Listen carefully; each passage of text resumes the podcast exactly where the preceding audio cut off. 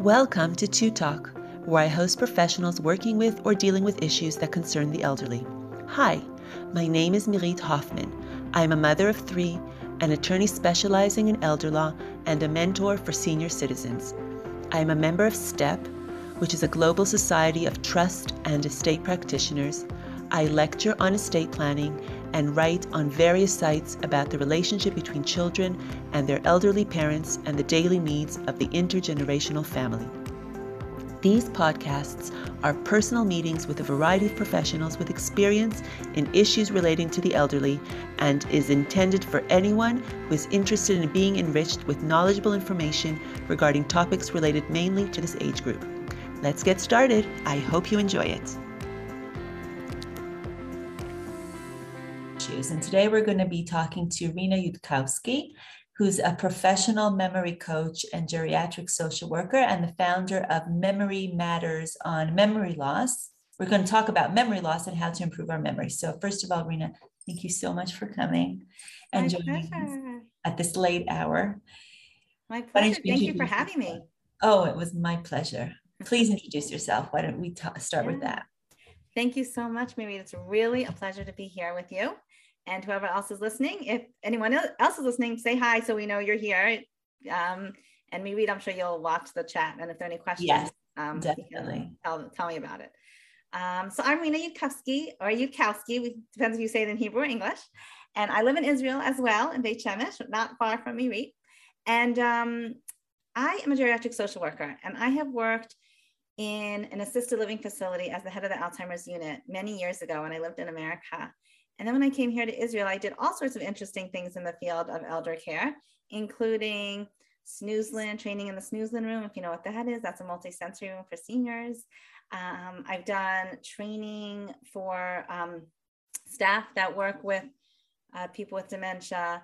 And I've done a lot of um, memory courses and work on memory because I am fascinated by how memory works.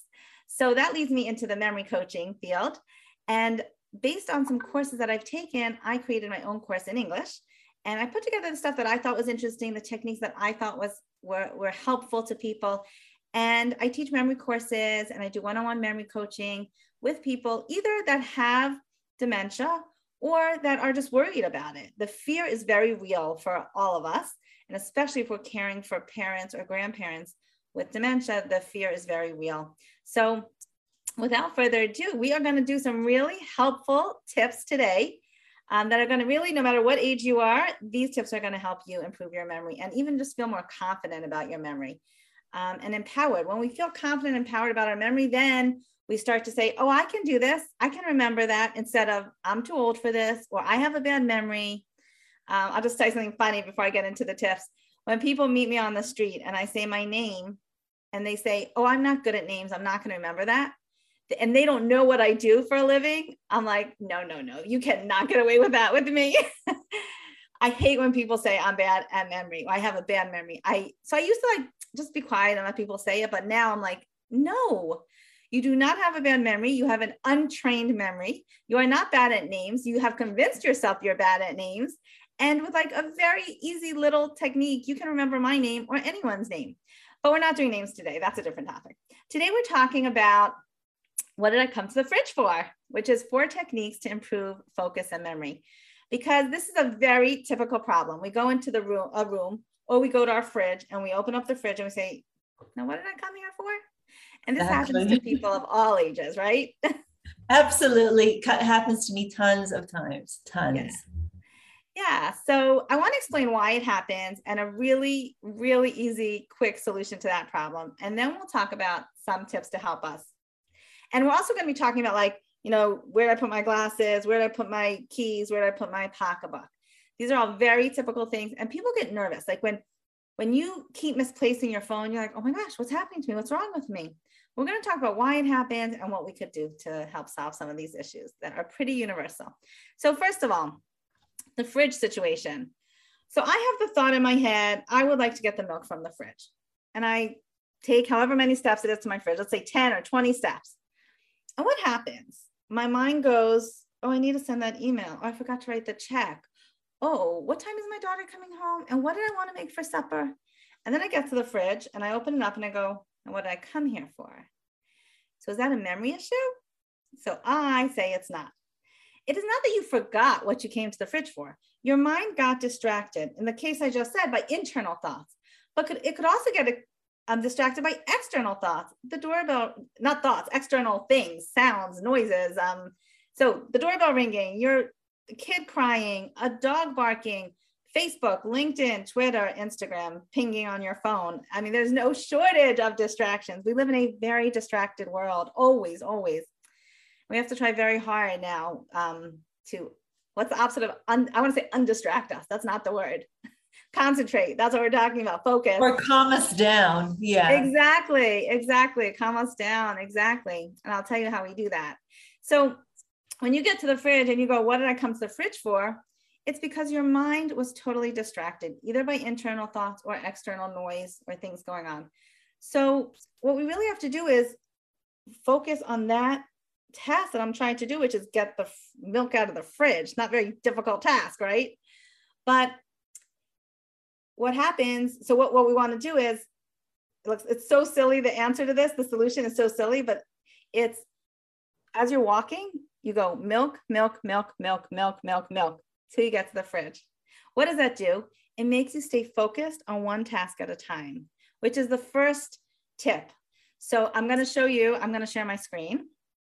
Great. Second, because I have a nice, a very, a very nice, um, see, I think I want to, I think I want to make this a little bigger if I can. One second. There you go. Okay. How to improve focus. So I have an acronym with four letters, T-E-A-S, teas, like you're drinking herbal teas. So the T stands for task, one task at a time. So when I'm going to the fridge, I'm not doing anything else. I'm not thinking anything else. I'm saying milk, milk, milk, milk, one task at a time. It sounds so silly, but that is the solution to that problem. And then you'll realize that it's not your memory when you get to the fridge and you can't remember, remember. You say you can't remember what you came for, but really you got distracted. So as much as possible, we want to stay focused on one task at a time and stop the multitasking. But it's a problem because we were all raised and taught that if you can multitask, you will be so much more productive and you can get so much more done. But it's not true. Our brains are what's called a, a sequential processor. Sequential processor means we take in information and then we process it in a what's a sequence? A sequence means one after another, right? But not multitasking, not at the very same second. So when you have the phone ringing and a kid pulling on your skirt and you're trying to type an email and you go, ah, I can't do all this, it's because you can't. your brain is not made to multitask. We we think we can. And, and when we're younger, we can sometimes get away with it. But as we get older, it becomes more difficult to pay attention to more than one thing at a time. And as we age, we're all feeling that. We're feeling that it's harder to pay attention to more than one thing at a time. And this is the reason that there is such a, a serious fine for talking on the cell phone while driving. Um, I know in different countries it's different, but here it's, I believe, a thousand shekel and eight points on your license if you are caught talking on the cell phone. Why? Can't you multitask? No, you can't. It is really dangerous. In fact, they say that if you talk on a cell phone while driving, they say holding it. Holding is what's illegal, but really, even talking on it is extremely distracting. I'll talk about that in a minute. But they say that uh, talking on a cell phone while driving is the equivalent to driving while drunk. That is how your cognition is not there. And that's how your reflexes are so much slower because you are trying to multitask. Um, now, everyone always asks me, what's the difference if someone's sitting next to you in the car talking to you or you're talking on your cell phone? So again, the cell phone, they what's the, the legal part is holding it, but really, even if it's on speakerphone, I find it is extremely distracting. So the difference between talking on speakerphone and someone sitting next to you, I always get this question, so I'm just going to put it out there, is um, when you're on the cell phone, even on speaker, it's a virtual conversation. I'm imagining that I'm talking to my mother, my brother, my sister. Right? I'm imagining the conversation, and my mind sort of goes like like that. Right? I'm not focused on driving that car and I'm going to be much slower to step on the brakes. But if someone's sitting next to me, it's not a virtual conversation. It is real life, real time, right here talking to me. It's not as, it doesn't take as much of my cognition. However, what's going to happen if someone is sitting next to me and talking to me, and I'm not sure where to turn? Let's say I'm somewhere and I don't really know my way, and I'm not sure whether to go right or left, and I'm driving. and someone's talking to me, what am I going to say? I'm going to say, wait, wait, shh, one minute. I need to concentrate, right? I need to decide which way I'm going because that takes more cognition. And then you need more of your brain power and your brain to be uh, focused. So, one task at a time um, means really trying to um, get one thing done and then move on to the next thing and then the next thing. So, it's not doing things all at once, it's a sequential process. So, our brains go, and sometimes we go very fast. We can go, we go one thing to another but it's to try to finish one task at a time whenever possible. Now, younger people always say to me, but I'm so busy. I can't stop multitasking, right? And I say, no problem. But then you're going to feel um, always like distracted, always like you're trying to do a million things, always um, like you never have enough time and unfocused.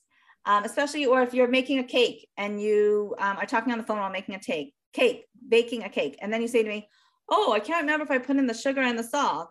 And then you're going to tell me, oh, but I can multitask. You can multitask to a certain point. So, of course, there are different tasks that require more cognition and less cognition, right? I can talk on the phone and wash dishes because washing dishes does not require that much cognition. Concentration, right. Right. So, so there are tasks that require less cognition. But if you try to listen to a class and wash dishes, so listening to a class and you want to remember what you're hearing takes more cognition, right? and you're washing dishes. So you a lot of people say, I can do that. You can. The question is, how much are you going to remember? And what details of that class that you're listening to are you actually going to remember? Um, so that's take take one task at a time whenever possible. So yes, there are times in our lives where we can't. We have too many responsibilities, too many people pulling at us. Um, I always used to say when my when like all four of my kids were talking to me at once, I'd be like, I can't hear all four of you at once. Okay. Like you and then you and then you. I will listen to all of you, but one at a time. I cannot listen to four people at once. So, um, and when you when you do this, when you start to do one task at a time, you will find that in the long run, you are more productive. So even though it feels right now like, oh gosh, I'm only doing one thing at a time, in the long run, you will be more productive. You will get more done because you're actually finishing the tasks instead of starting and starting and starting and starting, right? It's actually interesting. Hang on, if I just if I sure. just interrupt for a second, because in our day and age, when we're so used to getting boom, boom, boom, boom messages and having to respond so quickly, yeah. I mean, forget the fact that email suddenly email is slow because you have instagram right. and whatsapp and you can have facebook you can really do it live and in real time there's a sort of an expectation of the world to respond and to reply and to do everything quickly, which gives you the expectation for yourself to have to multitask. And that's why people feel when they get to the fridge and they don't remember what the hell they were doing there for, that yeah. something to do with them, that they have failed. So right. really, right. as you explained, it's nothing to do with that. It's just that it is really impossible to multitask at the same exactly. time to do everything. Exactly. So it's like when it's like think of your computer with a lot of windows open and you keep switching tasks, switching windows. So what are you doing? You're wasting time. Like every time you switch windows and look at something else, you're sort of wasting like fractions of seconds switching windows. Same thing with your mind when you switch tasks. When you go from one task to another without finishing it, it's sort of like switching windows. And there's this saying when you're always online, you're always distracted. And we know it's true. Like you said, we have all this technology and social media coming at us um, and it's so distracting. Like you literally go from one thing to another, and then you don't even know what you were doing.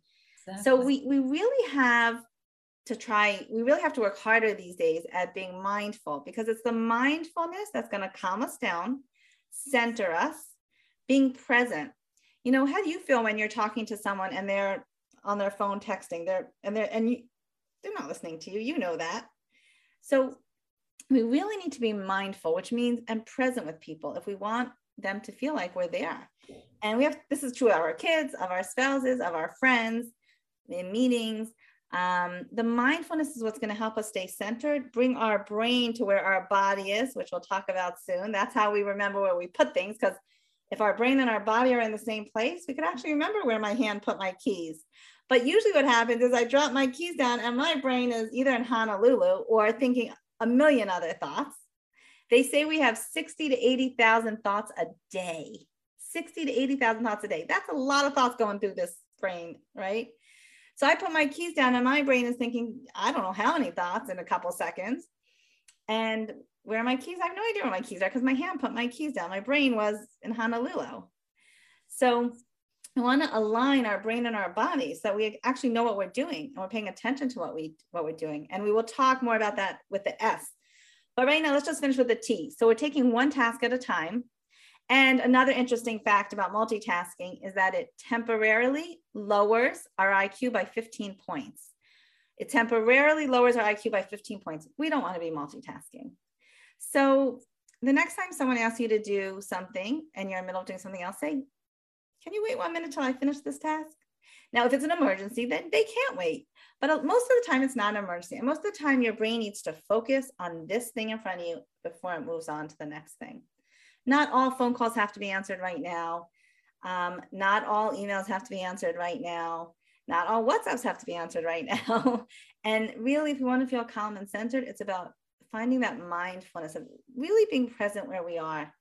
Um, I'm just going to say a comment for those that are ADD. If there's anyone on here that's ADD, this is even harder, right? Even harder because it's even harder to focus.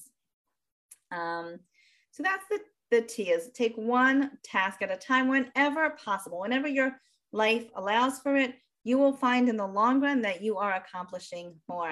Um, I'll tell one more funny story before we before we move on to the E. Um, I was on the phone with my friend, and we were both talking on our cell phones to each other, and we're talking, talking, talking, and then a few minutes later, she says, "Oh my gosh, Rena, you're not gonna believe this." I said, "What?" She said, "I just spent five minutes looking for my cell phone," and she was on it talking to me.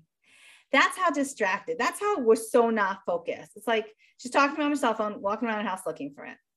We used to call that the absent-minded professor, but really it's it's a it's a result of this of multitasking too too much.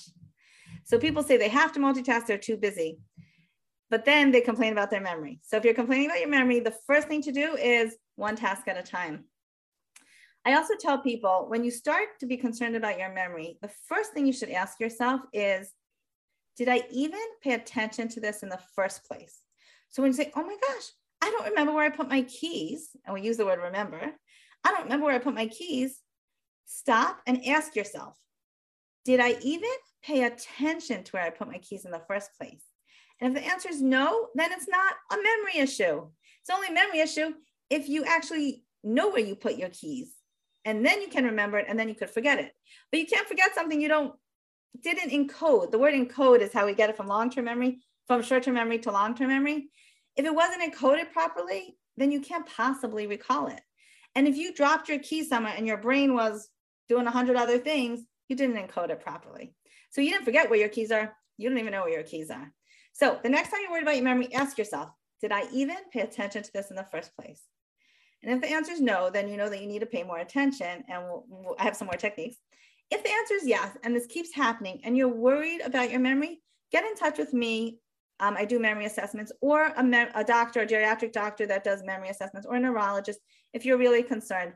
I always am happy to be the, you know, the first sounding board for people to say, this is what's going on. Should I be nervous? And I'll say either yes or no. A lot of times it's this, it's multitasking and it's not paying attention and it's ADD and it's, and you know, and that that all gets a lot of that gets worse as we get older. You know, people that are ADD don't get less ADD as they get older. They usually get more ADD, right? ADD. So, so um, yeah, I'm happy to talk people through some of their concerns and see if it's something more serious or not. So that's the T. There's really a lot to say about multitasking. It's one of my favorite things to talk about. um, it's a very common issue. A lot yeah. of people, that's what they do all day. Yeah, and we think we're doing good, but we're not. We're tripping up our brain. We're really tripping up our brain. So that's the first thing is stop multitasking. Then the E of my T's of this acronym, um, the E stands for environment.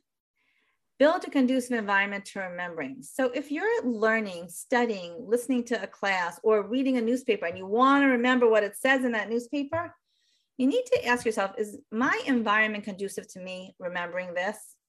And if the so what is our environment our environment is disruptions and noise i know that if there is music playing or kids crying or dogs barking or you know phones ringing i cannot concentrate if i'm reading a newspaper even and all that's going on, I have to read, I read the same paragraph a couple times because I cannot concentrate. So my environment is not conducive if there's a lot of noise or disruptions. What about the lighting? If your lighting is not good and you can't actually see well, one of the ways that we take in information is through our vision. It's one of the main ways we take in information, right? What we see. And that then it goes on to trying to remember what we see. But if we can't see it well, then our environment is not conducive to helping us remember. So it's noises and and vision. So if you're in a room that's dark and you can't see what you're reading, you're not going to be able to remember because you're not taking it in properly. So it can't be encoded as well. Um, what else in the environment? Clutter. If my desk is a mess and I'm trying to really concentrate on environments, on, on emails, I'm writing emails, my environment is not conducive to concentrating, right? Because there's too much mess going on here. Clutter. So some people are more sensitive to clutter than others. I know that. Um, I really like things organized and neat. Most people like it, but some people have a higher tolerance for clutter.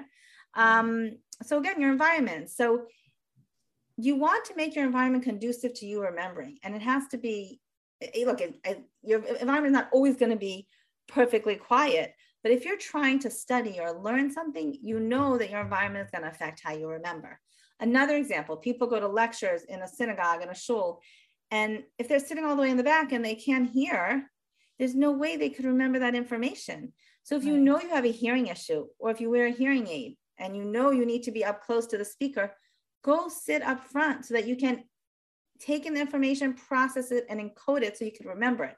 If you can't hear the lecture or class, there's no way you're going to remember it. Um, also, if you have to work too hard, like if you're sitting in the back and you have to work, you have to strain your ear to hear what they're saying, that's just too much effort. It's too much energy, right? Your environment about, is not conducive. Hang on, hang on, sorry. What mm-hmm. about white noise? A lot of people um, actually music helps them concentrate. They can actually filter it out, sort of like white noise. How does that work with the environment? Right. So so right i always say teenagers like you know remember uh, maybe when we were growing up the teenagers with the boom boxes and the loud music when they were studying mm-hmm. so maybe teenagers can do that I don't think most older people can handle that amount of noise in their background when studying. And look, there are some people that do better with either blocking out the other noise with so white noise is very like um monotone, right? White noise is, is isn't really music. White white noise is just that like a fan, right? So right. some people do like that because it helps them concentrate because it tunes out the other stuff. I personally hate the sound of fans. So it is it is a um somewhat of a subjective thing. And I it could be that younger kids do better with music in the background. I know that I cannot think straight when there's music playing in my house. I, I don't know, maybe I don't know what it is.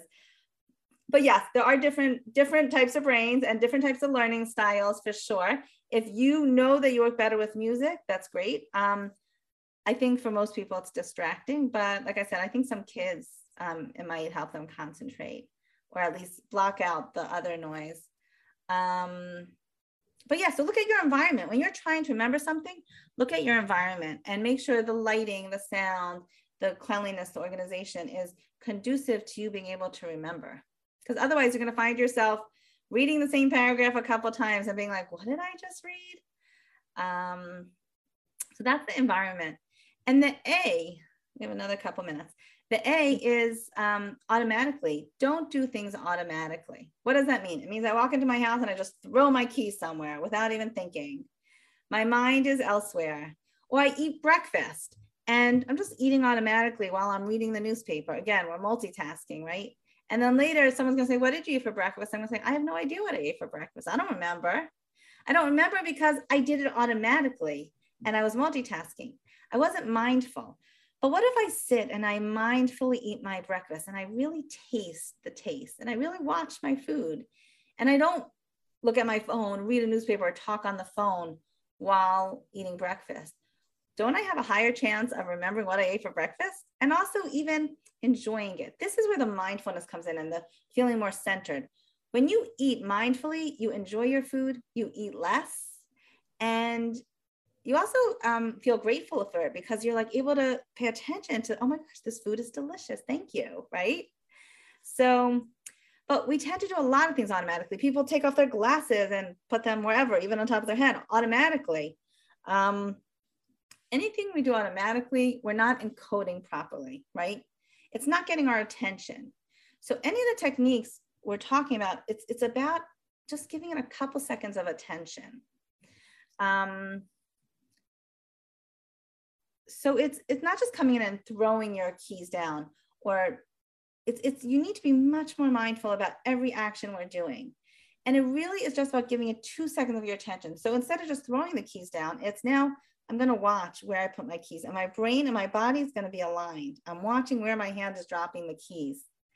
Um, I think we're gonna, I'm gonna stop here because I want to talk yeah. about my course. We're, we're having another part. We're doing part two of this where we'll do the S, which is senses, which is the bulk of the technique here is about using your senses to encode that memory. And we're going to talk about how to use your senses to do these things. Lock, know that you locked the door, turned off the stove. Really, really fun part. I want to give one minute of just to talk about my upcoming Memory Matters signature course. I'm sure. very excited about this. Stop, stop, just do the stop of the share and then um, oh yes, talk about it. That would be great. Okay, hold on. Let me stop the share one second. Okay. Okay, yeah. Um, so the rest of that we will continue in part two, which is we said November 14th, right? Yes, November 14th. It'll be part two of this because I can't get this all into one half hour session. So the rest of it will continue. Come back and join. Thank you for listening to another episode of Two Talk. I hope you enjoyed it and that it provided you with important information. Do not forget to click and subscribe to Two Talk so that you can be updated on my upcoming podcasts. And of course, please share and invite family and friends to listen so that they too can benefit from the information discussed here. You are also welcome to visit my website, www.lawmirit.com, and to follow me on Facebook for more information regarding intergenerational estate planning and the various needs of the elderly population. I'm already waiting for you with my coffee in the next podcast.